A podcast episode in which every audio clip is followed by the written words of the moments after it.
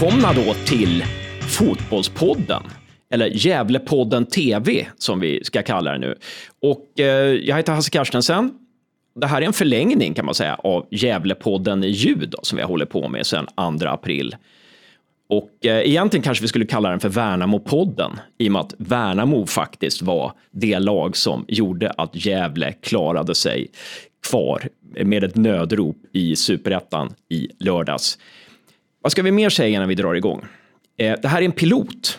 Det betyder att det är ungefär som Game of Thrones första avsnittet innan de liksom blir upplockade och, och, får köra vidare. Så vi får se hur det går helt enkelt, om det blir mer än en pilot. Eh, det skulle ju vara jäkla trevligt. Eh, men som sagt, vi, vi, vi håller er på halsen med det. Någonting mer att säga? Eh, ja, vi har lite gäster här också. Vi har ju eh, Josef, känd från Ljudpodden. Eh, vad tycker du om det här, Josef? Eh, att vi, vi går till bild? Ja, det, det, det, ska bli spännande, tycker jag i alla fall. Att se om man har ett radioutseende eller tv-utseende. Annars, det är väl bara att podda på som vanligt. Så kommer det väl gå bra. Det tror jag väl. Ja, jag, jag, tror också det. Vi kör hårt. Vi har två gäster idag. Vi skulle haft Poya Asbaghi, men han fick förhinder. Eh, och eh, det har ingenting med Göteborg att göra. Det kan jag säga. Det har vi fått eh, dementi från Mats Gren på morgonen. Vi har fått dementi från Per Lagerström. Eh, jag kan läsa upp smset jag fick från Per Lagerström som jag fick tillåtelse av honom att läsa upp. Där han lugnade mig eh, med orden eh, jag har inte hört något från Göteborg och Poja har kontrakt med oss, så det ska vara lugnt. Smiley. Så att eh, det, jag, det, det, är bara, det är bara att luta sig tillbaka inför 2018 nu med andra ord. Men vi börjar med första gästen. Eh, första historiska gästen i Gävlepodden TV, Stisse Åberg. Tack, tack för att vara här. Skönt att det inte heter eh, Kvalpodden då, eller hur det var? Precis. Och sen det första, det ska vara lugnt, vad är det för uttryck? Ja, det är väl aldrig lugnt i Gävle IF eller? Nej, precis. Men, jo, mellan säsongerna är det nej, lugnt. Nej, nej, det nej, det ty- nej, nej absolut okay, inte. Jag menar sådana sms, de har ju fått eh, tusentals egentligen. Är det så? Ja, ja. Du är lite mer rutinerad. Det, eller mer orolig. Ja, mer, mer, mer rutinerad och därför mer orolig. Jättekul att du är här. Mm. En sak som kanske de yngre lyssnarna inte vet, det är att du blev utsedd till årets fotbollskrönikör 2011, före Erik Niva och Simon Bank och så vidare. Så att det, det, är verklig klass vi inleder Gävlepodden TV med. Det var på den tid som eh, GIF var i Allsvenskan, kan vi också säga. Just det. Och då hade du fler läsare? Nej, jag vet inte om det är det, men det var i alla fall då. Ja. Var det inte då Gävle gjorde det här succéåret? Ja, det också. Just det. Det var en framgångslavin alltså över hela Gävle. Just det, 2011. Vi mm. låg, eh, vi låg topp top tre eller någonting. Vi låg tvåa med vändningen. Ja, ja det, var, det, var, det var fantastiskt. Då måste man ha vänt väldigt tidigt. Efter att vi hade 36 poäng vid vändningen. Efter två omgångar ska jag säga. Ja. ja, eh, ja, men kul att ha det här. Och vi börjar någonstans. Vi börjar någon ända så får vi se var vi, var vi, var vi landar. Men om, hur var dina tankar under sista omgången här? Under när, när Gävle IF ligger under tidigt med 1-0 och de andra resultaten går emot oss. Vad, vad, vad gick igenom ditt huvud? Ja, men det var ju den, det här skräckscenariot att det skulle sluta i ett kval ändå fast man haft en sån fantastisk ska säga, höst egentligen från vändningen i slutet av juli och eh, alla de matcher med poäng att det ändå skulle sluta i ett kval. Eh, och dessutom när jag kände när, det, när siffrorna rann iväg på Grimstad, eh, det är ju inte direkt en, en kick rakt i att man går in som en vinnare i kvalmatchen mot Mjällby och skulle börja på på Strandvallen på naturgräs där nere en, en uh, tung, mörk uh, novemberkväll. Så att någonstans där känner jag, ja, det, det, här kommer då att sluta illa. Va? Mm. Och sen så för att Gävle IF gjorde ju inte vad man skulle, det kan vi sammanfatta med. Och det var jag också väldigt förvånad över med tanke på de matcher de gjort tidigare. Eh, att man plötsligt ja, lite viker ner sig i det, i det här ögonblicket. Mm. Man viker ner sig när det gäller som mest. Liksom. Eh, man, man, kan ju ta, eh, man kan höra med Josef, dina tankar? Alltså, de viker ju inte ner sig när det gäller som mest. För att det är så många ödesmatcher som har haft i år. Som Åtvidaberg borta, Norrby hemma för att nämna några. Och eh, har lyckats vinna dem. Ligger under med 2-0 mot Norrby och vänder och vinner. Så att eh, nej, idag, eller just mot Brommapojkarna var det, var det väl att vi mötte ett mycket bättre lag var känslan. Det var ett, man förstår varför BP spelar i Allsvenskan nästa år. För de hade ju en otrolig verktygslåda och kunde ta fram nya saker. Nya anfallssätt hela tiden. Och sen hade de lite, lite här flytet också. När man inte hade något riktigt vid, alltså mellan 1-0 och 2-0, då var det GIF som hade spelet. Men de får ju en chans att göra mål. Mm. När man tittar på statistiken efter BP-matchen så är det faktiskt, vi hade bollinnehavet, vi vann hörnstatistiken eh, och massa annan statistik, men eh, eh, ja, men, men det, det var ungefär som motståndarna när vi spelade under Pelle, att de vann alltid det och vi vann matchen. Men, men, eh, men för vi mötte alltså två lag, Degerfors och BP, de två sista omgångarna som vi sa, det är bra att vi möter dem för de har inget att spela för. Eh, var det en lite fel tanke eller? Ja, det verkar så att det är många lag som är i bra form, fortsätter vara i bra form. Och det är klart, jag tror ändå säga, eh, vem som sa viker ner sig, sa jag det? Nej, jag tror inte det faktiskt. Nej, Hasse. Ja, precis, det var Hasse som sa det. Däremot så eh, var jag ändå lite förvånad över att, att GIF inte gjorde en, en bättre match mot BP. Eh, kanske rent, eh, framförallt fysiskt då. Eh, och det är klart det fanns en anspänning, man har klarat en rad olika ödesmatcher under hösten. Och eh, kanske fanns någonstans där att man hade de här räddningsplankorna, att det, det kan väl inte vara så att alla resultaten går eh, fel väg. Jag tror att det fanns någonstans där att det, det räddas. Va? Och det gjorde det också, men det var, det var en helt annan historia egentligen. Men mot BP var man ju egentligen chanslös och det var lite förvånad över. Men så, samtidigt har man ju plockat en rad olika matcher under hösten, både vunnit och tagit poäng i matcher hela tiden. Mm. Och den här matchen, det skulle vara intressant att analysera den eh, med, med eh, någon taktiker för att det kändes ju på något vis som om BP hade läst Gävle lite bättre än vad Gävle hade läst BP. Jag eh, vet inte vad ni säger där.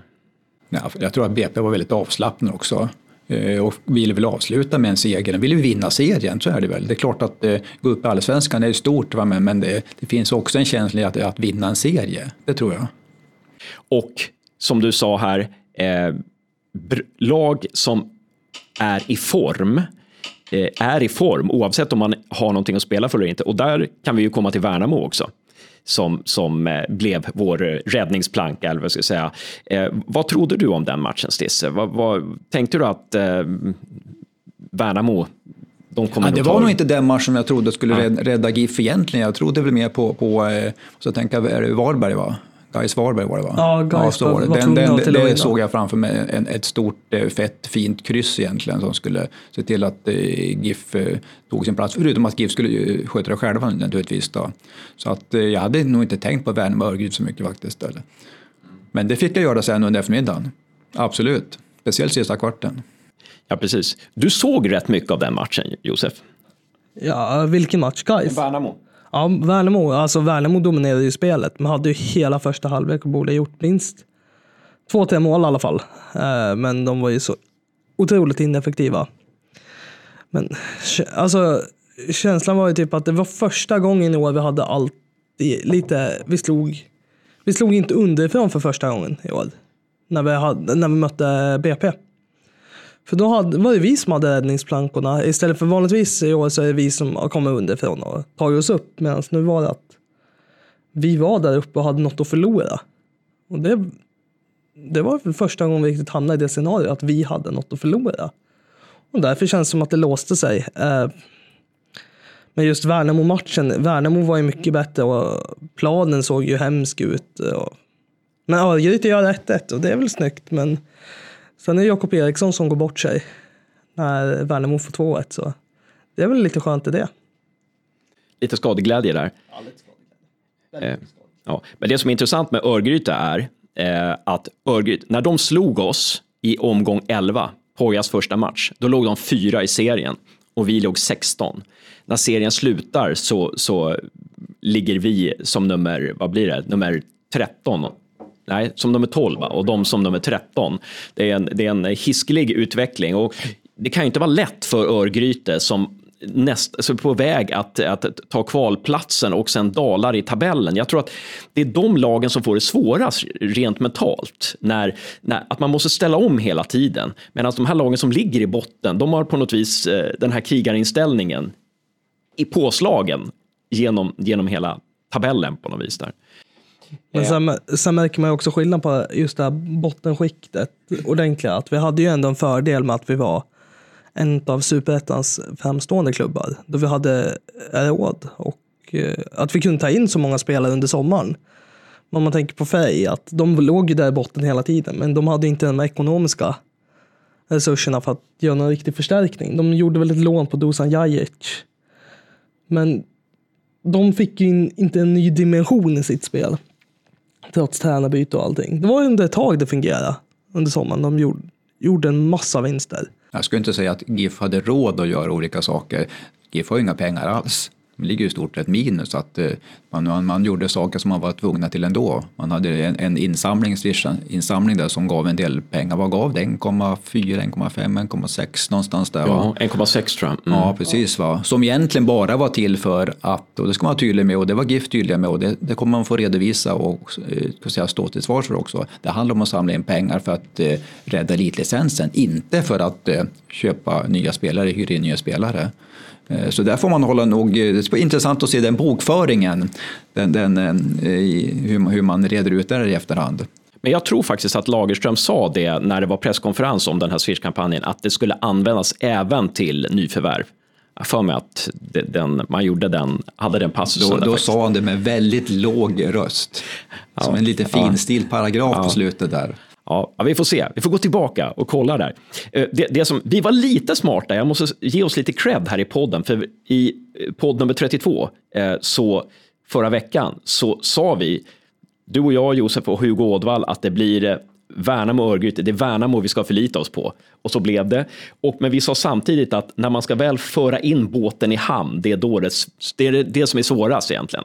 Och Poja var ju också lite inne på det mot, mot Degerfors där, att när, när när spelarna på något vis tänkte att eh, ja, nu är vi så nära. Det här målet som vi har kämpat för hela säsongen, nu är vi så nära. Att det är någonting där som smyger sig in eh, rent mentalt. Då. Eh, men vi, vi, vi går vidare helt enkelt. Eh, och, du, du, kan ta nästa fråga också. Jag tar nästa. Vi, vi, är lite nyfikna då, Stisse. hur gick dina tankar inför den här säsongen. Jag för mig att du skrev någon krönika att du, du hade förhoppningar men du kände också lite oro sådär. Ja, alltså jag ska säga här, både inför säsongen och, och det jag funderade väldigt mycket över eh, vad jag skrev efter den första matchen mot Frej. Jag kommer ihåg att eh, eh, jag inte släppte loss och var så negativ som jag borde ha varit och ändå så fick jag flera mejl om att eh, varför är du så negativ för? Varför skriver du inte att GIF är bra? GIF behöver publik. Men, men eh, den matchen mot Frej, 2-2 jag för mig att det vart, eh, avslöjar egentligen eh, hela GIFs eh, eh, både taktik och allting, hela laget. Eh, och det var det som förföljde laget under, under våren egentligen. Den, den passiva fotboll som man klev in i superettan. Man kommer från allsvenskan och är superpassiv. Jag är, eh, skulle jag få skriva om den kröningen då skulle den vara riktigt negativ och tala om det här kommer aldrig att hålla. Mm. Din rubrik inför Värnamo-matchen var, eller nej, Frej-matchen var Jag vägrar vänta i 20 år till. Och jag vill se en, stjärn, en stjärna födas igen. Då syftar jag på Dennis Hymmet. Och sen ja, 20 år på att gå upp i allsvenskan. Ja, jag vill, jag vill fortfarande inte, nu vill jag inte vänta 19 år eller om jag räknar bort det året då. Men det, det jag menar att, att eh, jag tror jag tippar GIF fyra någonstans. Där, alltså inte, eh, inte på någon av direktplatserna, inte på kvalplatsen utan någonstans att man skulle klara av att eh, hantera superettan som är en svår serie när man kommer ner från allsvenskan. Hantera den på ett sätt att, att man skulle bli stabila där och eh, både spelmässigt och även ekonomiskt. Och det tror jag att det, det kan jag fortfarande stå för att det var viktiga. Nu klarar man inte av det gjorde man, man, man hängde kvar och det var det viktiga. Eh, däremot så eh, tycker jag att det stämde in rätt bra med hymmet där faktiskt. Precis, ibland, fick så, du verkligen ibland rätt. får man, eh, blir det mm. rätt. Vinner skytteligan. Vad var det du såg hos honom? Nej, den var, eh, visade väldigt snabbt när han hoppade in i några, några eh, träningsmatcher rent av med den bollbehandling som han hade som eh, skilde sig väldigt mycket från övriga GIF-spelare just då. Mm. Och, det, och dessutom, en, ja, man, man märker också på personligheten, typ att det är en, en kille som vill någonstans. Va? Uh, han pratade i termer för mig om, om uh, att uh, ja, nu, nu ska jag till, spela i Superettan med Gävle IF och, och skaffa mig position i, i fotbollssverige. Jag hittade din tippning inför säsongen. Jaha, står det fyra? Eh, ja, exakt. Ja. Eh, fyra. Du tippar även Gais tvåa. Ja. Måste du ta upp hela tipset nu? Vilka, vilka vinner då? Dalkurd vinner. Ja, men det var ju nära i alla fall. Du skickar ner Norrby som jumbo. Ja. Och det är väl ingen... Det tippar jag. Jag tippar också Norrby som jumbo. Men Värnamo på 15 plats. Och BP tippar jag i mitten. På sjunde. Ing- Det är en svår Det tipp. var inte mycket som stämde alltså. Det är en svår tippad serie. Absolut. Jag har för mig att jag tippar... Jag tippar BP tvåa inför i år i alla fall. Nej, BP trea tippar jag. Gävle tvåa. Som en lilla optimist man var. Och tippar Helsingborg på var näst sista plats, femtonde. Jag tror också Nu ska jag inte snacka bort mina olika tips och sånt där, men däremot kan jag säga att, att eh, årets superetta var, ju- var väl en väldigt skruvad serie. Det tror jag vi kan säga. Och då pratar vi inte bara om Gävle IF utan en rad andra eh, märkliga resultat och placeringar egentligen. Då. Eh, det är klart att det är fantastiskt att BP går upp i allsvenskan som kommer, kommer direkt och en nykomling i serien. Eh, Helsingborg, om, om, om eh, supportrarna här och, och ni har deppat över Gävle IF, vad, vad, hur tror ni det var, har varit Helsingborg som bara skulle studsa tillbaka upp i allsvenskan, vilka krav som finns där nere. Det är ju en klassisk klubb, liksom. den ska ju bara vara i allsvenskan. Va? Det är en enorm besvikelse att inte Helsingborg ens tar sig till en kvalplats och ännu värre när, när, när det är Trelleborg som gör det. Och Helsingborg hade ju kvalplatsen. Eller de låg ju i toppen till vändningen Och förstärker ju truppen märkbart. Och ändå går det sämre. Det är ju rätt, rätt förvånansvärt när man får in Per Hansson och Johan Persson så går det sämre efter det. Så kan man ju räkna på alltså Gävle IFs säsong då. Nu, nu eh, rätta mig Josef, du som är kanske bättre på siffror, men, men GIF tog då 28 poäng på andra halvan, stämmer det? Jag kan kolla Ja, upp det. ja, ja, jag säger det bara för att man ska någonting att räkna en stund där. Men, men eh, om, om vi omvandlar, Det stämmer, det om, stämmer. om, omvandlar 28 det poäng. i en normal säsong då, att man skulle ligga någonstans runt 50 poäng, då skulle man vara fyra nämligen. Va? Eh, och och eh, det, kan ju ingen, det här kan ju ingen ta ifrån Gävle IF om vi ska snacka om det. Den vändning man lyckas med. Man, man är alltså bäst un, under andra halvan av, av säsongen och räddar sig kvar. Det är, det är ju faktiskt unikt att, att göra den klättring man gjort. Va? Så det hade varit enormt snöpligt om man hade stupat i sista matchen på, på andra resultat och sen hade tvingats in i ett kvalspel, för där är det eh, på något sätt 50-50. Jag tror ju, eh, jag tror ju att eh, Örgryte kan få jätteproblem nu. Som, eh, som när det resonerar, låg fyra ett tag och så sjunker man ner och så sista omgången hamnar man på kvalplatsen och så ska, man- ska man möta Mjällby. Mm. Ja, det, är en otrolig förvand, det är en otrolig förvandling det här med Poja. Alltså, eh, har, du, har du upptäckt en sån, har du varit med om en sån förvandling någon gång? Om du jämför den här förvandlingen som vi har, som vi har eh, åstadkommit nu, om du jämför den med någon annan så här, som du har varit med om under din, din, journalistkarriär? Nej, inte så här snabbt alltså, och framförallt inte i Gävle IF.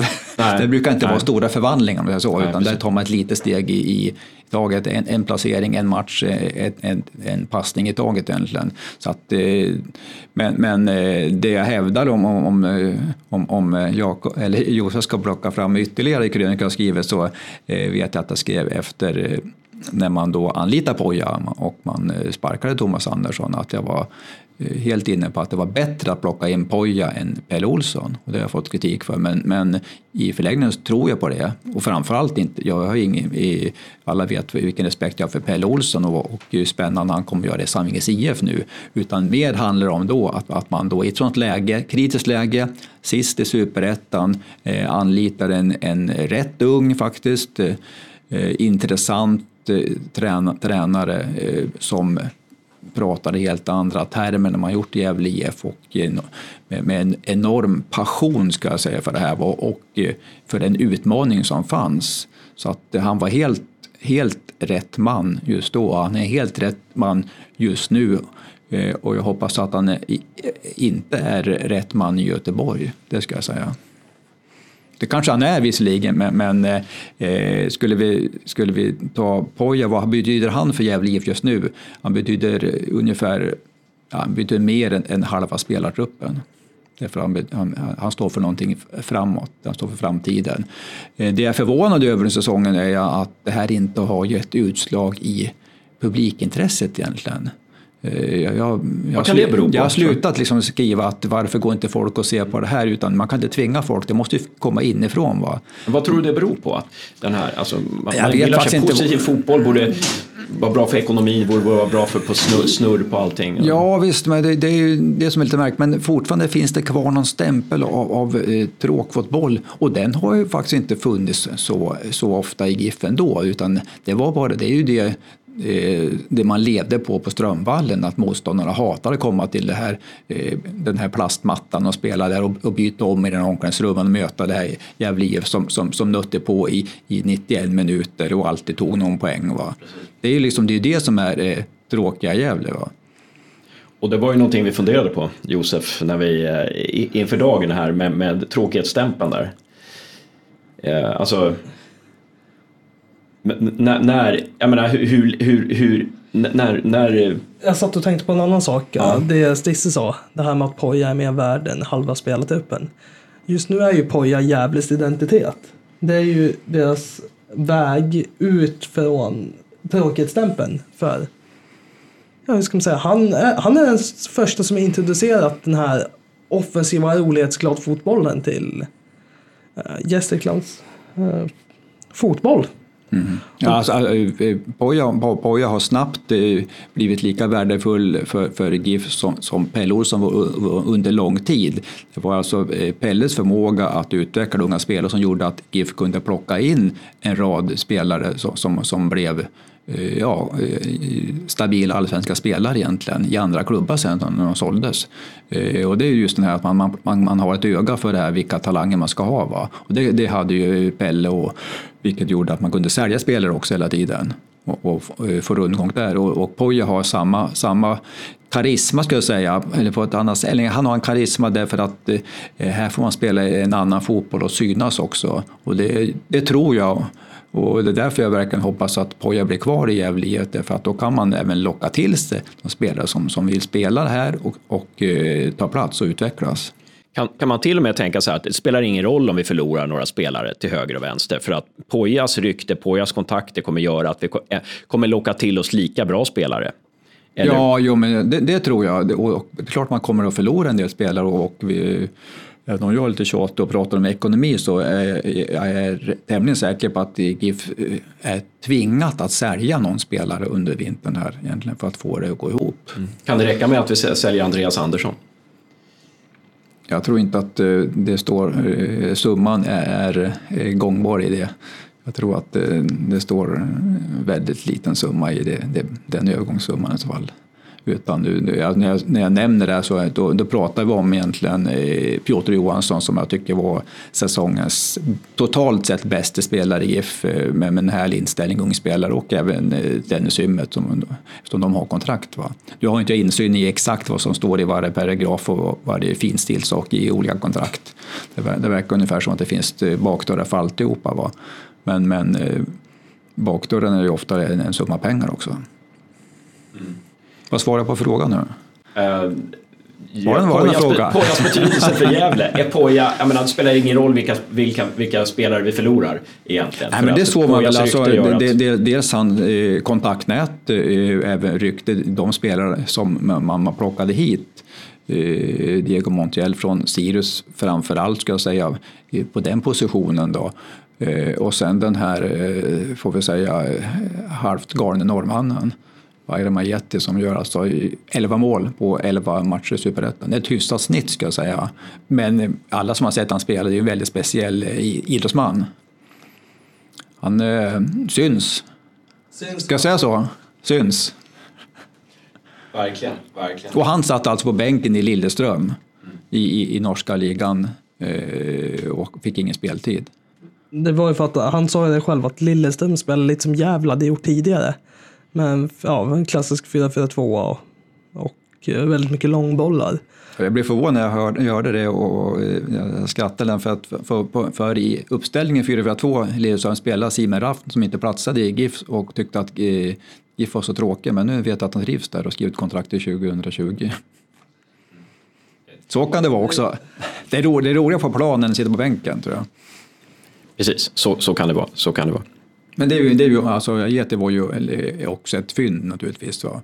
Och, och eh, jag intervjuade Poja inför sista matchen att eh, genom att han gör målen, genom att han levererar va, så, så finns det en förståelse för honom i truppen när han, när han eh, gestikulerar hela tiden, att vilja bollen och allting, allting annat är fel i stort sett. Va. Men han vill bara göra mål och det, det går, går tydligen hem när man, när man lyckas. Det, va. Skulle han gjort två mål på elva matcher tror jag inte att det skulle vara lika populär i spelartruppen. Eller? Det finns en förlåtande attityd om man, om man levererar. Ja. Eh, om man gör det man ska, om man Ja. hjälper laget tillräckligt mycket så, så, så ja, eh, Lex Zlatan, lite sådär. Jag tänker ju det här med eh, Pojas kontaktnät och allting. Så har vi också en fördel med att vi har Gavlevallen. Att det är ju den näst bästa arenan i superettan i alla fall. Efter Olympia. Efter Olympia, ja. Och där, har, där finns det en sak, alltså har man inte pengar att locka med för superettan-spel så har man ju faciliteter. För personer som kanske inte lyckas i allsvenskan helt och att ingen klubb vill ta dem där. Eller spelare som kommer underifrån division 1, division 2 och vill testas på högre, och ska testas på högre nivå. Då har vi ändå ett förhandlingsläge kontra Värnamo. Värnamo har ju väldigt, alltså de har ett fint spel, men eh, Finnsvedsvallen är väl kanske inte det mest attraktiva stället att vara på. Det enda som vi saknade på Galevallen är väl egentligen publiken då. Om- vi kommer återkoppla till den frågan egentligen, varför kommer inte publik? Ja, det tar en stund tror jag faktiskt att eh, eh förstå vilken typ av fotboll som GIF har spelat under, under hösten egentligen.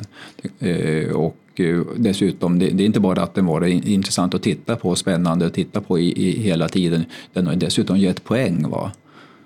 Och det är ju det det är så att det det är inte alltid spelet ger poäng med, med en, en sån utdelning som GIF haft under hösten. Men för det är ju, samtidigt är, det ju det här sättet att spela är ju lite, ibland lite vågspel. Det har märkt att man har blivit straffad ibland också.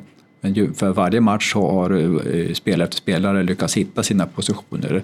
Jag är imponerad av mycket. Jag är oerhört imponerad av, av försvarsspelarna faktiskt. Eh, Jesper Florén och Anton Lantz och Martin Rauschenberg som har i den här nya positionerna Eh, hittat väldigt rätt och blivit bättre spelare tycker jag. Man har märkt att vilken kvalitet de har som eh, man inte sett tidigare. Mm. Men tråkighetsstämpeln då, eh, den här tråkighetsstämpeln som, som, som du lyfte upp, det. Hur, hur mycket, hur, hur länge Eh, hur mycket måste Poja, hur länge måste Poja vara kvar? Hur mycket måste vi vinna? Hur mycket underhållande fotboll måste vi spela för att den ska tvättas bort? Och folk ska komma hit och andra supportrar ska skriva annorlunda om oss och sådär. Har du någon? Ja, jag vill ju att det ska räcka med tre matcher nästa vår. Sen har det lossnat då. Eller, jag- eller fyra ja. kanske då. Tror eller fem. att träningsmatcherna är ganska viktiga? Träningsmatcherna Ja, Svenska det, det, det tror jag faktiskt. att eh, Dels att man eh, gör resultat då och att man, man fortsätter eh, spela på ett intressant sätt. Och dessutom man kanske har några spelare som sticker ut. Det vill ju också eh, folk naturligtvis. Jag menar, Hymmet har gjort det med, med, med sina mål. Va?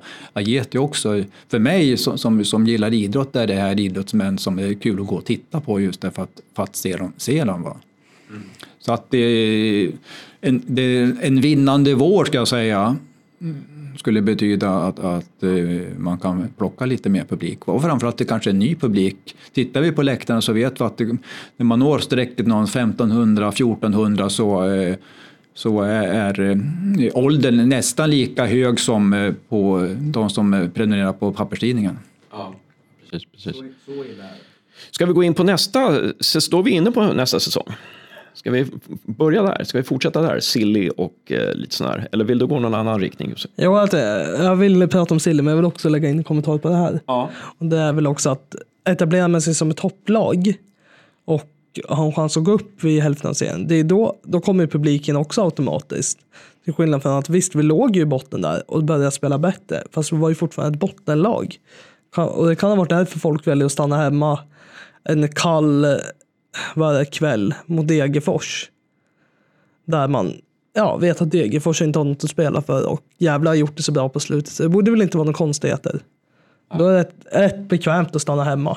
Det är en intressant Samt- teori. Det kan vara så här också att det är, totalt sett är det en ständig publikkris i i Gästrikland. Brynäs har inte några supersiffror heller faktiskt. Och Inte ens de som ska säga, stöttar Brynäs är ju alltid på plats. Va? Sandvikens bandelag som är ett av Sveriges bästa och har varit det i 20 år har, har väldigt låga publiksiffror.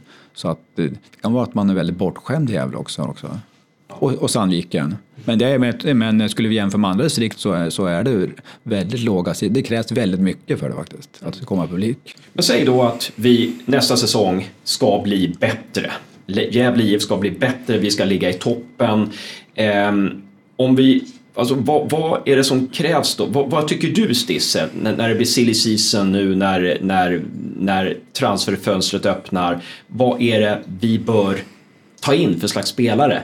Eh, vad är det vi, vi bör värva och vilka bör vi skriva kontrakt med? Nya kontrakt med? Vilka är det vi, vi först och främst ska skriva nya kontrakt med? Ja, alltså enkelt svar på, på den frågan är att, att om man kunde frysa en trupp som var nu skulle det vara intressant. Det har man ju faktiskt en, en eh, rad spelare och framförallt har man bildat lag av det från målvakt, eh, även målvakten August Strömberg har ju varit riktigt bra under hösten när det har suttit ihop med försvarsspelet. Så att eh, åldersmässigt är det inga större problem i, i truppen. Det är väl eh, alltså Makondele som, som kanske försvinner ut och som, in, som inte eh, tar plats helt enkelt. Va? Eh, men får gärna frysa truppen för mig, men så är det ju inte. Det kommer försvinna spelare, dels de som inte har kontrakt då, eh, och även kanske några som står under kontrakt. Och fortfarande så tjatar jag vidare med att den viktigaste är att Poja är kvar, för då kan man knyta till sig nya spelare. Men eh, tittar vi, om vi tar på, på mittfältet så, så finns ju Piotr där, intressant. Lanto hoppas han skriver nytt kontrakt, men inte därför att han ska få nytt kontrakt utan därför att han är en bra spelare. Eh, Christian Ljungberg tycker jag har varit, varit bra i rollen där. Och sen så saknar man någon på, på, på den vänstra sidan då, där man har haft en lånespelare, Anton Kralj, under eh, hösten. Eh, framåt så Hymmet finns kvar. Eh, ja, jag ser gärna Ajeti kvar där, men det är klart att det måste vara ett komplement där också. Montiels kontrakt går ju också, eller låneavtal går ju också ut. Får vi se om han också blir kvar. Och hur blir med hans framtid? Det är ganska många i backlinjen vars kontrakt går ut. Det är Lans, det är Rauschenberg, det är Florén. Eh, och det är Gusman faktiskt också, en av de lovande egna talangerna. Som, han, som var skadad. Mm. Eh, han eh, bröt väl benet tidigt i, under en träningsmatch ja. sånt där, var, var borta i stort sett. Men, men fram till dess hade han ju varit väldigt bra faktiskt. Många av oss, jag vet Josef kanske inte är av den åsikten, men jag och några till är, är ju av den åsikten att Gusman är en av de mest spännande egna spelarna och kommer ta en startplats i backlinjen nästa år. Eh, men det får vi se hur det blir. Eh, som sagt. Sen, sen är, har ju GIF redan plockat in två spelare, nu ska vi se om jag kommer ihåg rätt namn där. Sebastian Sandlund och eh, Sarkovic, Stefan, Stefan Sarkovic. Ja, eh, en mittback, Sarkovic och, och Sandlund och mittfältare från, från IFK Luleå. Yes. Så att där finns det två nya spelare som rimligtvis borde varit, vara handplockade av Poja och Per Lagerström för att passa in i den här truppen, som, men är, är oprövade däremot, det ska vi säga. Och eh, även den eh, ukrainska spelaren Igor som jag kallar honom. Du kan ta efternamnet du Hasse. Ja, eller... Tjurakovskij. Ja, bra. Ja, då behöver du inte stava i alla fall. Nej, men han, han har ju också kontrakt då och eh, gjorde några matcher tror jag. Men, ja, men, eh, starta en, fick hoppa ja, in två eller tre. Ja, precis. Va? Och även där måste, måste eh, Poja och eh, lag som har sett någonting va? Som, som ingen annan har sett hittills. Då, men det beror ju på att killen inte har spelat helt enkelt. Och nu... Man skulle väl inte kontakta en person under ett sånt här ansträngt läge om man, om man inte såg någonting hos honom. Det är inte som, ja, tidigare har man fått värvningar som Zakaria Abdullahi, Haruna Moshi. Sive Pekisela. Ja, lite så här för att bredda truppen, ja. det känns inte som en sån. namn som man nästan har glömt bort faktiskt. Kul, rabbla ja. gärna till misslyckade värvningar. Ryan Raybold. Vi hade väl någon från Falun där också som vi... Linus Bolin. Linus Bolin, ja just det. Eh, nej, nu ska vi inte vara taskiga här. Simon Lund, nej. nej. Eh, men Eh, Josef, du hade faktiskt en åsikt där ja, eh, om vad, vad, du tyckte att truppen skulle ta in. Framförallt till nästa år så tycker jag att man måste ta in en ledarkaraktär som har vunnit något. Eh, med anledning av att i den här truppen så har vi ingen spelare som har vunnit, eh, gått upp eller vunnit något. Vilket jag tror att man behöver om man ska bli ett eh, topplag och etablera sig, eller ha en chans att gå upp i superettan så måste man ha någon sorts vinnar, ha någon sorts vinnarkultur. För det är inte enkelt att vända en trupp som aldrig har vunnit någonting till ett vinnande koncept. Där kan man ju för sig säga att vi är vinnare. Vi, vi har ju vunnit nio matcher under hösten så vi kan säga att vi är vinnare på det viset. Att vi har alltså, man, visst, man har ju vunnit nio matcher fast man har inte vunnit en serie. Har du någon åsikt där? Stisse? Ja, lite grann så är det väl så att, att eh, det gäller ju att få, få in sådana eh, personligheter med den, med den eh, jag ska säga, det man kallar vinnarkultur naturligtvis. Det tillför ju ett lag eh, moral det. Men det är, ju- det är inte det, det, det är lätt att, och sitta och peka ut men är man vinnare så kanske man inte byter klubb så ofta. Då kanske man vill vara en vinnare där man är. Men det är, annars håller jag helt och hållet med, med Josef. Det är en sån, eh, vi kallar det le- ledargestalt, men det tycker jag ändå att det finns i det här laget faktiskt på olika sätt. Va? Lanto är ledare, säger som jag, Piotr är en, en ledare eh, som jag tycker, och även Christian Ljungberg är en ledartyp. Så att det finns, finns någonting där. Va? Men, det, men det har ju varit svårt att vara eh, pådrivare i ett eh, eh, lag som gick, gick dåligt. Va? GIF hade ju alltså förut, ofta kan man behöva någon bakifrån i David Fällman som man först inte ville inse att hans betydelse men, men eh, både som spelare och, och även som pådrivare var han jätteviktig tror jag. Det var intressant. Vi har väl aldrig sett en spelare ha varit så betydelsefull för sitt lag som, som David Fällman. Det, visade sig verkligen i efterhand att det var så. Ja. Andreas, men kom ni inte ihåg att du skrev en sak på Svenska fans att nu lämnar Dahlén, ja, nästa år åker vi ur. Och, då, och det var ju det, då fick vi kvala det året. Ja, vi gjorde det. Ja. Du sitter skrev- liksom och rabblar vad man har skrivit tidigare och, och liksom det här, så vart det ju inte alls va. Full koll på vad han har skrivit. Jag ska kolla vad du har sagt i framtiden i nästa podd. Det tycker jag. Ja, jag, jag var ju ofta så när jag skrev saker att det var liksom, jag, jag målade fan på väggen för att spelaren skulle, skulle Det var lite ta, lite ta i trä liksom bara. Ja, va? precis. Ja, ja. Lite så var det faktiskt. Lite, jag vågar inte skriva några positiva grejer. Eh, eh, men eh, nu säger Stissas Christian Ljungberg är en ledargestalt. Christian Ljungberg har kommit in i rummet här nu, så vi får se. Vi får se kolla med Christian Ljungberg vad det finns för ledargestalter i laget. Kanske inte finns några, enligt dig. Bara du. Jag. Det där är ju en teknik, alltså när man ser att de smyger in under en sändning så droppar man ett namn och, och så lä- lägger man, målar man upp ett scenario bara. Ja, precis, precis. La du dit Christian bara för att han kom in i rummet eller tyckte du jag, innan? jag visste han skulle komma också, så snart han kom in så sa jag något positivt. Ja. Ja, Ja, men, men, men, men problemet är ju, eller fördelen är att jag menar också. ja, ja, precis. Eh, hörru du, eh, Stisse, vi, vi skulle ju haft Poja här som sagt, men Poja fick förhinder och eh, då så... Jag säga vi- så är jag fortfarande tveksam till, till orsaken till förhindret. Jag är eh, alltid misstänksam mot sånt där när folk försvinner iväg. Kom, kom ihåg när Simon Lundvall försvann någonstans där, dök upp i en Elfsborg-tröja. Ja, precis. Har du förträngt det? Jag, jag, jag tror att Poja, jag tror, eh, jag, jag, jag tror bara att det Poja var tvungen att, att ut och handla eller någonting Tapetsera sånt eller där. något tvättstugan eller? Ja, ja, någonting sånt där. Eh, Vi- ja, du vill men- bra- du vill men- bra med mig nu just nu. Ja, just det. Nu vill ja, vi bli av med dig. Men eh, vi bad ju dig att du skulle fundera ut en fråga till Poja och så fick du snabbt nu tänka om och fundera ut en fråga till Christian. Vad har du för fråga till Christian Ljungberg? Ja, den är väl egentligen bara, eh, jag vill att han ska berätta lite om, om eh, den förändring som skedde och att vara mittfältare Gävle ifrån eh, den tionde omgången och sen framåt. Vil- Vilka svårigheter han eh, mötte då i sin egen spelstil och, och, och vilka möjligheter han såg och totalt sett vad det betyder för honom med, med det spel som Gävle IF haft eh, ja, de senaste 20 matcherna. Titta på Christian där. Var, var det en okej fråga? Ja, bra fråga. Ja. Ja, då, men då går jag. Stort tack Stisse för att du var med Tack, i tack. Jungfruavsnittet av eh, Gävlepodden TV. Grymt jobbat.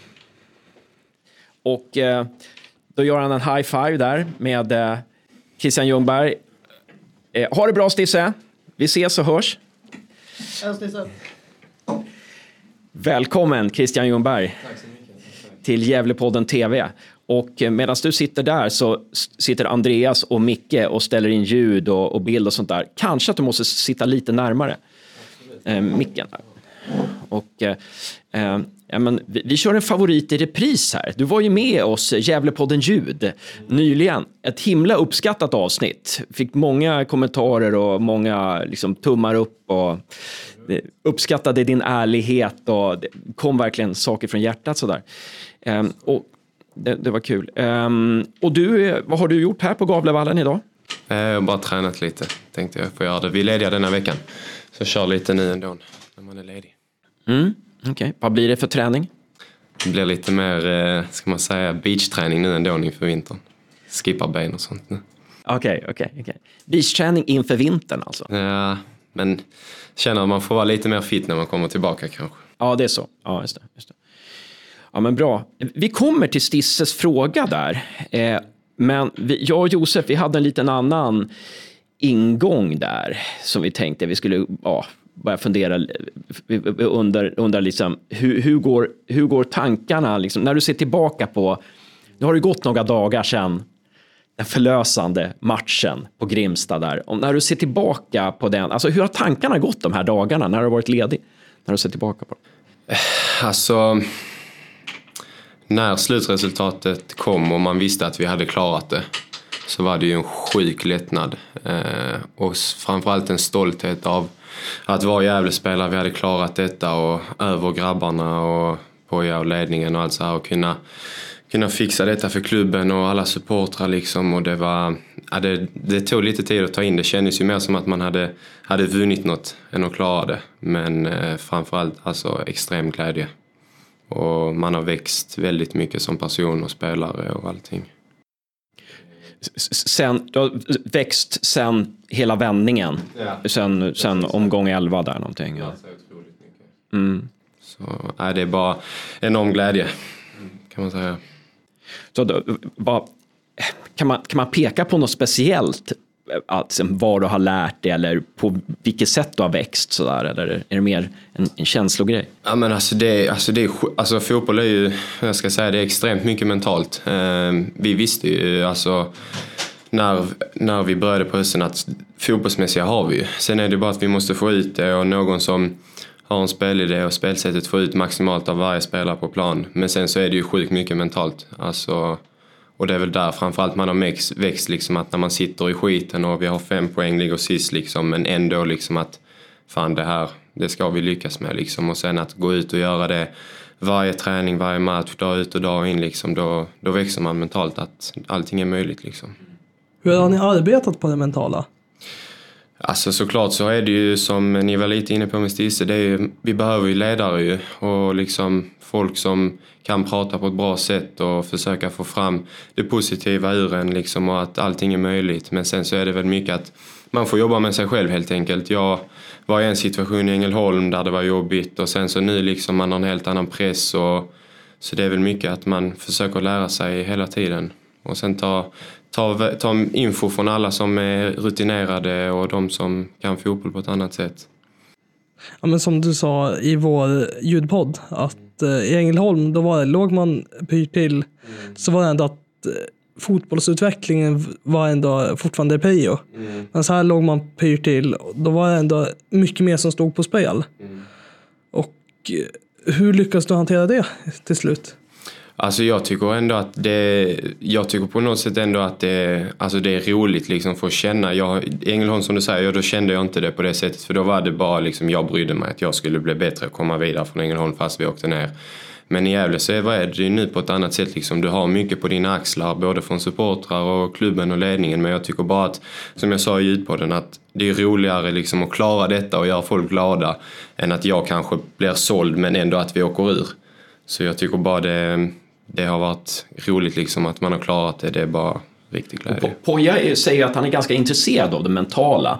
På vilket sätt har det märkts om du jämför med dina tidigare tränare? Att, att, att, eh, Nej, men alltså det är väl mycket på jag har, eh, ska säga, både innan, innan vissa matcher och nu när det har varit i slutet att han har ju liksom sagt till oss liksom att det här kommer ju, det kommer bli historia liksom och fast när vi är gamla så kommer vi komma ihåg hösten med Gävle liksom och då är det mycket det man tänker att alltså det här vill vi komma ihåg och det är, liksom, det är bara att jobba för detta. Det är fotboll är det vi älskar och det är klart att som nu Jens Bortin slutar oavsett han kanske kommer komma ihåg säsongen med Gävle 2005 men 2017 kommer han alltid komma ihåg på ett helt annat sätt liksom. tror du att ni kan ha nytta av det här nu när det går in i nästa säsong? Det tror jag absolut. Eh, alltså, oavsett vilka som är kvar eller inte så kommer det ju vara en helt annan nystart om man säger så. Eh, jag tror en helt annan trygghet. Och man vet att har man klarat detta så kan man fan klara nästan allting. Vad det första Poja gjorde var att måla upp en målbild till att ni vill komma ihåg hösten. Eller att vi ska kommer ihåg hösten? Eh, nej, det tycker jag inte. Utan jag tycker att när vi började så har det hela tiden varit liksom att utveckla laget. Och liksom prestation har alltid varit viktigare än någonting annat. Men sen har det ju varit att vi har haft våra prestationer och det har ju lett till att vi har varit närmare målet hela tiden. Men han har varit ändå väldigt noga med, för det är det som kan ta över lite. Om du ändå målar upp en bild av att vi måste klara detta så kan du gå in mentalt och tänka på vissa matcher att till exempel när vi möter Degerfors hemma, okej, okay, det är en match vi måste vinna. Då kanske du spelar på ett helt annat sätt än ändå veta liksom att det här vi har gjort är sjukt starkt, sen får det gå som det går. Liksom. Jag tänker, början när han kommer in så förändrar han ju helt ert spel helt och hållet. Mm. Hur förändrade han ert tankesätt? Eh, på plan menar du eller ja, lite utanför? Ja, på plan och utanför. Både och. Nej, men alltså det, väl, det var väl lite det att när vi väl satt liksom i skiten så på jag får ändå fram det liksom att vi är ett bra lag och vi är bra individer. Och när du väl får en helt annan liksom en, någon som förmedlar till dig på ett helt annat sätt, då, blir du ju känd, då får du mer självförtroende liksom och du blir bättre på plan på ett annat sätt. Men vad fick gruppen att köpa det, att vi är ett bra lag? När man kollar på tabellen så, och eh, ser matchprestation så känner de väl det motsatta, att man kanske inte är ett bra lag. Det, absolut, det gjorde vi. Men ändå så känner du direkt, då kände man att när vändningen kom att okej, okay, liksom, vi vet vad vi kan, vi har inte varit där men nu liksom när man börjar få ut det mer och mer och man får bättre självförtroende och alla i laget köper sin roll då blir det ändå mer liksom att fan, nu har vi en ledarfigur som är på ett sätt och vi känner liksom att det här kan vi klara. Mm. Då är vi lite inne på Stisses fråga där. Den passar ju ganska bra in här. Hur du, din roll förändrades i och med tränarbytet och hur det blev, ja, och så vidare. Um, såklart, det var en väldigt stor förändring måste jag säga. Um, tyckte väl att, eh, eller tankarna var ju hela tiden innan att det var den rollen jag skulle ha när jag kom. Um, blev inte så, fick en helt annan roll och kände att jag fick, eh, jag var bidragande, alltså jag bidrog till mycket till laget både på plan och utanför och fick ut mer av mitt spel. Kunde förändra mer i matcherna och göra det bästa för laget. Så det, ja, det var en stor förändring men det var, det var den som jag behövde. För eh, det var som sagt väldigt mycket upp och ner berg och när säsongen började för egen del men kände att sen när det började, fick en annan roll så blev det mycket bättre. När vi pratade med Pelle Olsson i podden så sa han, ja, ni kanske har det jobbigt, ni fans, men det är värst för spelarna, sa han. Det är värst för spelarna. Kändes det också, påverkade det ditt sätt att vara utanför plan sen när Poja hade kommit och när jag började vinna några matcher? Sådär? Alltså det, det är som, som jag sa innan, fotboll det, det är sjukt mycket mentalt och liksom för mig var det första flytten hemifrån, man tror på ett sätt det ska bli i Gävle så blir det på ett annat och man har inte familjen nära och kära här och så. Så då blir det jobbigt liksom. Men sen när du väl börjar känna att okej, okay, men det är denna rollen som jag alltid har varit i och jag känner mig trygg i den.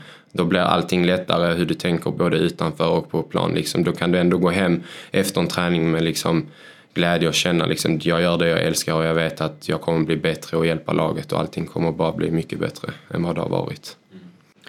Ja, fantastiskt och det är fantastiskt det som har hänt. Alltså, det är en sån eufori som man kände eh, efter. Och man, vi unnade ju verkligen er att få känna att ni hade klarat någonting. För ni var, jagade ju liksom hela tiden, hela, hela hösten. Bara, bara jaga, jaga. Äh, och sen så Norrby tar poäng, helvete, så jagar ni igen. Och så där. Men, men då, vi funderar lite där under BP-matchen. Alltså, eh, alltså, hur, hur gick känslan? Alltså, alltså, ni, ni spelade mot Degerfors ni var i princip klara där och Degerfors kvitterar med fem minuter kvar och sen har det BP-matchen. Ni får tidigt underläge ah, och BP är ett jäkligt bra lag. Det måste ju ni ha känt. Eh, liksom, hur gick känslorna där under BP-matchen? Ja. Sen är det också att Gais får tidigt ledningsmål, vilket ja. ni också får reda på. Alltså, så jag vet inte riktigt om att det finns så mycket att prata om när det gäller det, men alltså det känns ändå kanske lite som att allt har sin mening och att till slut när det väl gäller så får man resultatet med sig. Eh, Degerfors hemma, det var, alltså jag kände bara liksom efter matchen så var det bara, jag vill, jag vill spela nästa match imorgon redan igen för man kände liksom att det här var... Men sen mot BP, jag hade faktiskt inte koll på de andra resultaten för jag ville inte veta. Eh, men sen så när jag hörde fansen skrek Värnamo under matchen då kände man bara okej okay, fan vad gött liksom. Och sen efter signalen så känner man bara att alltså det här, vi förtjänar detta och äntligen får man resultatet med sig när det väl gäller. Så... Vad, vad sa Poja i paus? Vad sa han för någonting där? För när ni låg under med 2-0 och... Nej, alltså vi, eh, vi skulle ju pressa på ett annat sätt i paus. Vi kände att det funkar inte riktigt. Men ändå liksom att bara få fram detta att liksom vi låg under med 2-1 mot Norrby. Vi vände liksom att vi skulle tro på detta. Men sen så som du säger, BP var, de är jävligt duktiga och de, det är en anledning till varför de går upp liksom. Men eh, vi gör ju en dålig match på det sättet men ändå att Värnamo vinner. Så det, var, det kändes ändå som att det, det var det vi, vi skulle ha det bara helt enkelt. Vi, vi, vi, vi, skulle ha pratat med Poja idag så här, och vi pratade lite med honom om, eller Josef hade kontakt med Poja och så här att vi kan väl prata om BP-matchen. Nej, måste vi prata om BP-matchen, sa det- Poja. Lite så är det ändå. Ja. Så, men eh, nej, det, vi, för, vi förtjänar det helt enkelt bara. Ja. Hur fick du reda på att vi var klara? Liksom, kommer du ihåg den, när, vem var det som sa det till dig? Och, Eh, slutsignalen gick och jag tänkte bara, fan jag skiter i, jag pallar inte tacka BP och domaren utan så kom Elin faktiskt, sjukgymnasten och då så frågade jag henne direkt och då sa hon att, och då var inte riktigt matchen slut sa hon. Så tänkte jag okej vad fan ska jag göra nu liksom och sen kom Jesper Björkman och sa att vi är klara och då var det liksom bara, då släpptes allting. Jo, för Värnamo, vi låg en minut före Värnamo. För de tog en otroligt lång paus. Så att det var inte så kul för oss heller om vi säger så. Men jag, hade, jag, kände, jag trodde nog ändå att det var så för fansen hade ju inte skrikit någonting annat efter det att Värnamo gjorde väl mål. Så då trodde jag väl också att fan, de leder nog ändå fortfarande. Att, jag vet inte hur många som jublar vid 4-1. Jag vet att jag stod och lyssnade på radio och störde mig på alla andra som jublar.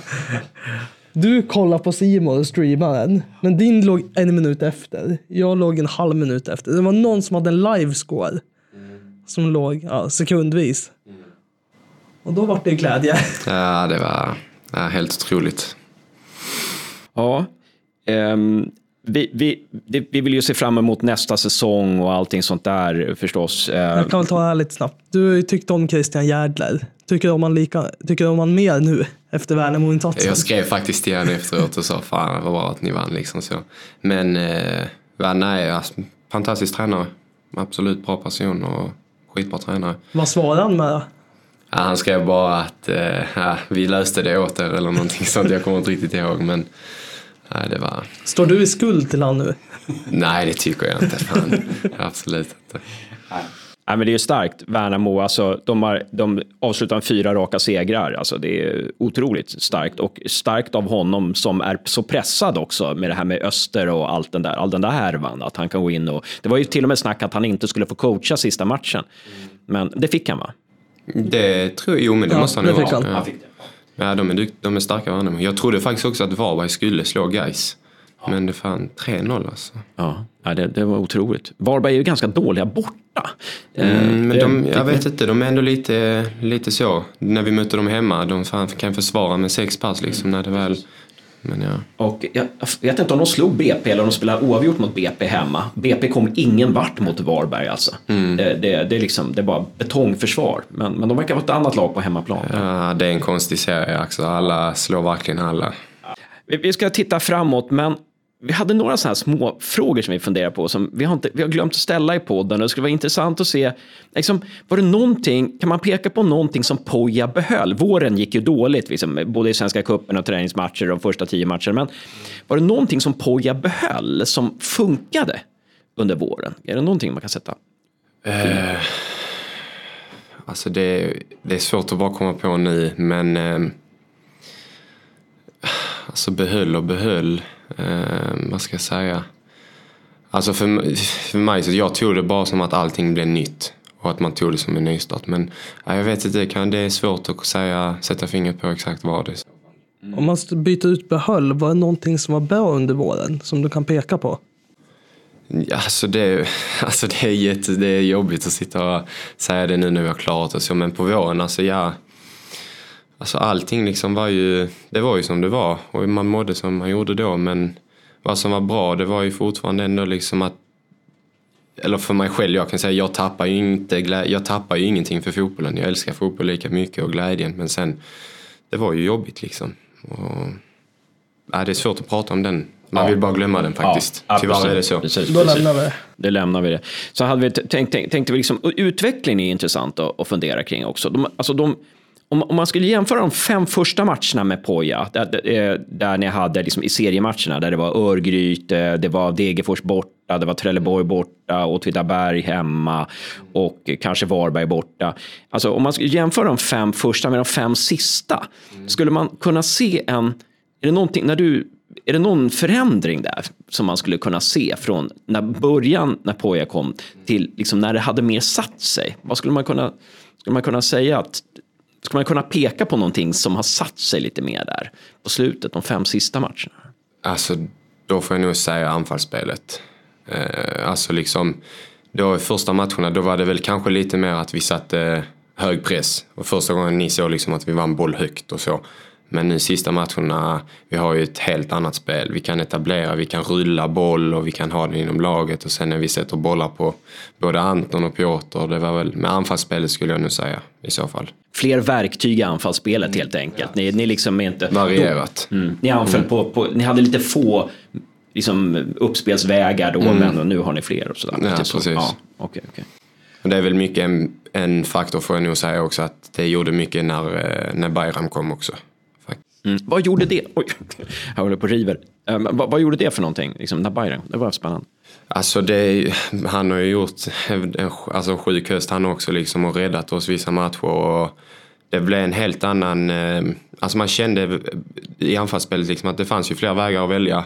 Det har varit mycket, typ som man säger då på våren till exempel, Dennis har varit mycket själv och det har varit lite så på anfallsspelet. Men när vi har haft både liksom Bayram och Dennis så har det varit en helt annan trygghet. Man vet att liksom han är bra på det och Dennis kan göra det liksom. Då har man känt mer att ibland att liksom fast man är långt ner i banan så löser de någonting där framme liksom. Förut var det mycket att det hängde på Dennis liksom. Men alltså, det, det, hängde på han någon. hade Ja. mycket tror jag faktiskt på sig.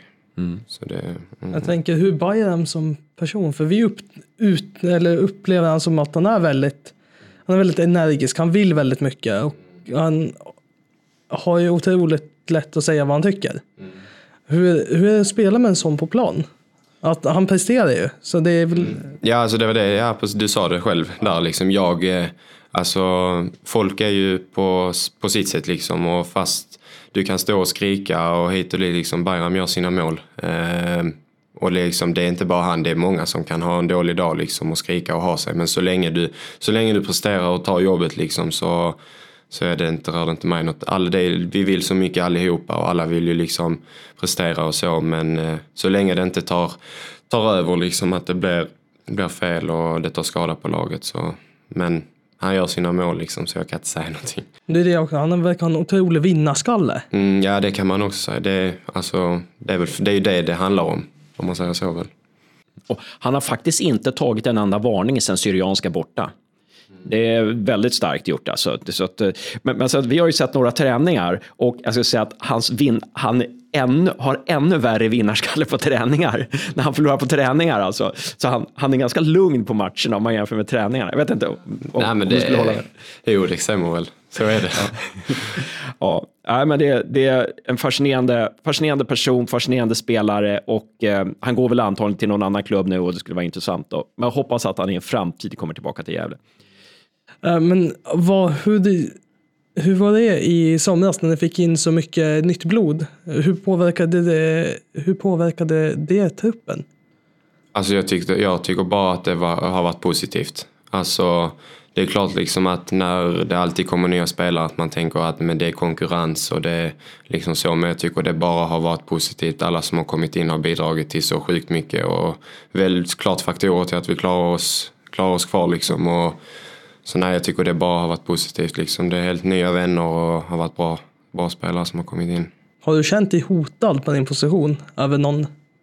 Alltså det hotad och hotad liksom. Alltså det är ju, det handlar om presterar du så får du spela liksom. Sen om någon kommer från dit eller där, utan det så länge man presterar så får man ju spela. Men konkurrens finns ju alltid i fotboll, så, det, så är det. Det vet man, ju- det vet man ju. Eh, Om vi säger så här att du och Montiel, ni konkurrerar ändå på samma plats. Skulle ni ändå kunna tänka er att umgås? Utanför? Ja. det gör vi. Så det, nej, nej, så, så, så illa är det inte. Absolut inte. Och, ehm, Poja, han har ju i, i, när vi har snackat med honom i podden i, ibland så har han kommit till så här att ja, allt sitter ju inte än. Att vi, ja, det är vissa saker vi borde göra bättre. Och där har inte vi velat pressa honom riktigt, utan vi har känt att nej, vi vill inte ge motståndarna någonting här. Vi vill inte sätta finger på vad som inte funkar. Men om vi skulle gå till nästa säsong, om vi, om vi skulle börja med försvarsspelet till exempel. Jag menar, så fort när man förlorar bollen så börjar ju försvarsspelet. Vad, vad, är det någonting i försvarsspelet som ni brukar återkomma till och som du känner att ni måste jobba med? Eh, alltså, ja, inför nästa säsong, det är ju det är ju svårt att veta allting nu, vem som är kvar och vilka som är kvar hit och dit och så, men det är väl, alltså det, jag tycker bara vi ska fortsätta med det försvarsspelet vi gör, liksom att ibland skifta från hög press och ibland ligga rätt och vinna tillbaka, tillbaka bollen snabbt liksom, så jag tycker att det är väl en sån grej man alltid bara jobbar vidare med, men jag tycker ändå att den idén som vi har i försvarsspelet är ändå bra tycker jag. Absolut. Och det är väl också en stor del som höjdes framförallt på hösten jämfört med våren. Det var ju såklart försvarsspelet. Vi släppte in så otroligt mycket, mycket mål och billiga och enkla mål. Liksom. Men det blev ju bättre. Mm. Så att fortsätta på det här så, så kommer det bli bra? Ja, på något vis där. det ja. tror jag tycker jag. Just. Mm. Och om vi går till anfallsspelet då, du har ju sagt att det har utvecklats mycket. Hur skulle mm. det kunna utvecklas ännu mer? Nej men det är ju, som, det, är ju det som liksom man kan se långsiktigt om du ser liksom eh, lag som kanske tar klivet upp eller blir liksom bättre. Det är väl det här att ha en enorm trygghet med boll liksom och veta att okej okay, men nu går vi fram eller nu håller vi verkligen i den och liksom folk ser att man är ett lag som är, är bollförande och trygga som fan med boll. Skulle jag säga. Ja, så att, så att eh, mer, alltså skulle man kunna säga att mer, alltså till exempel mot BP, så, så ibland så känns det som att ni kör fast lite där och i BP, mot BP kändes det som att ni körde fast mot en mur där. Finns det någonting där man, man, kan, man skulle kunna lösa upp en sån eh, betongkloss?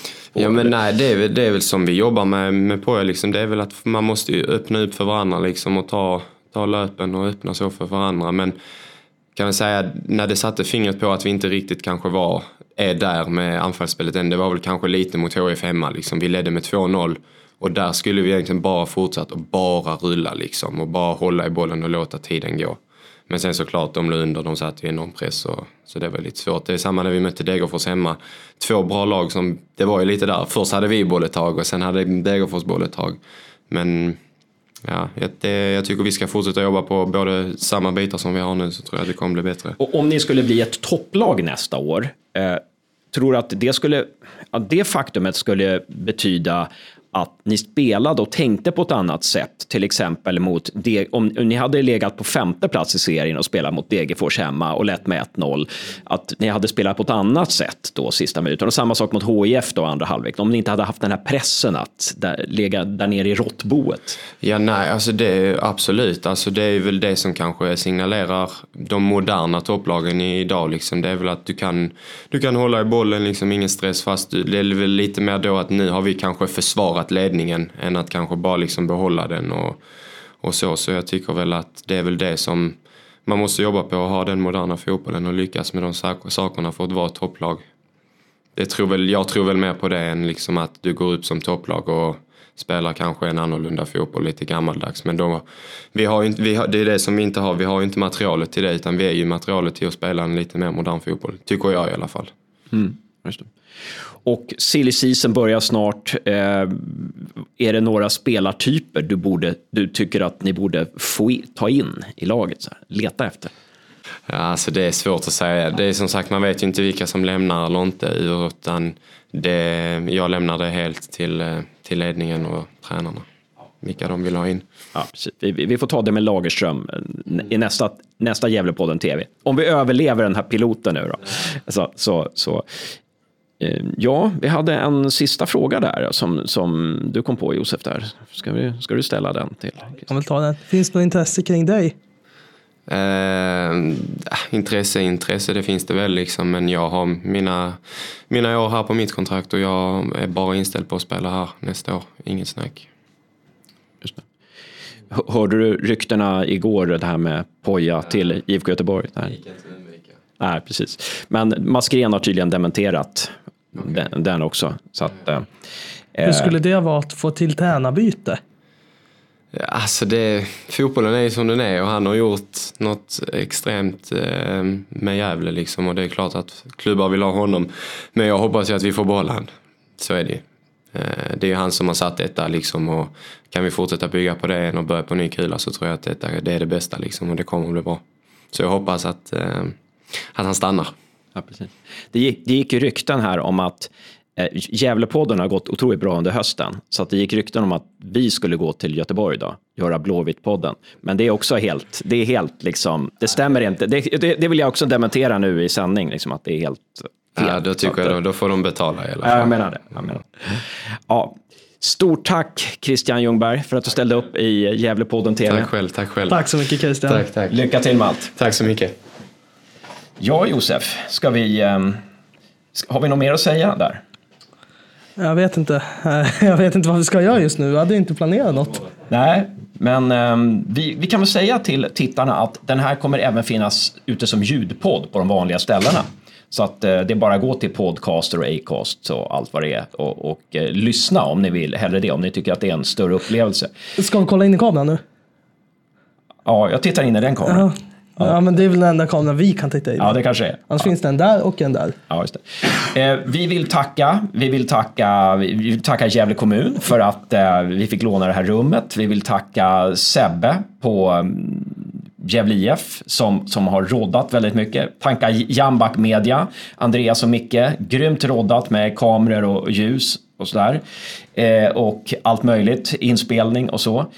Eh, jag vill tacka min fru för att jag fick ta med frukten hemifrån. Där. Eh, är det någon du vill tacka? Jag vet, ja, Gävle IF överlag för att vi fick låna matchtröjan. Just det. Och Delicatobollen som jag aldrig riktigt hann äta upp. Ja. Nej men hör, hörni, eh, vi ses och hörs med eh, fler Gävlepoddar framöver. Vi, och eh, fortsätt eh, mejla frågor till nästa podd och eh, så kanske vi hörs på Gävle fans, eh, Svenska fans forum också. Svenska fans vill vi tanka också förresten. Svenska fans. Ja, det var det. Tack för oss.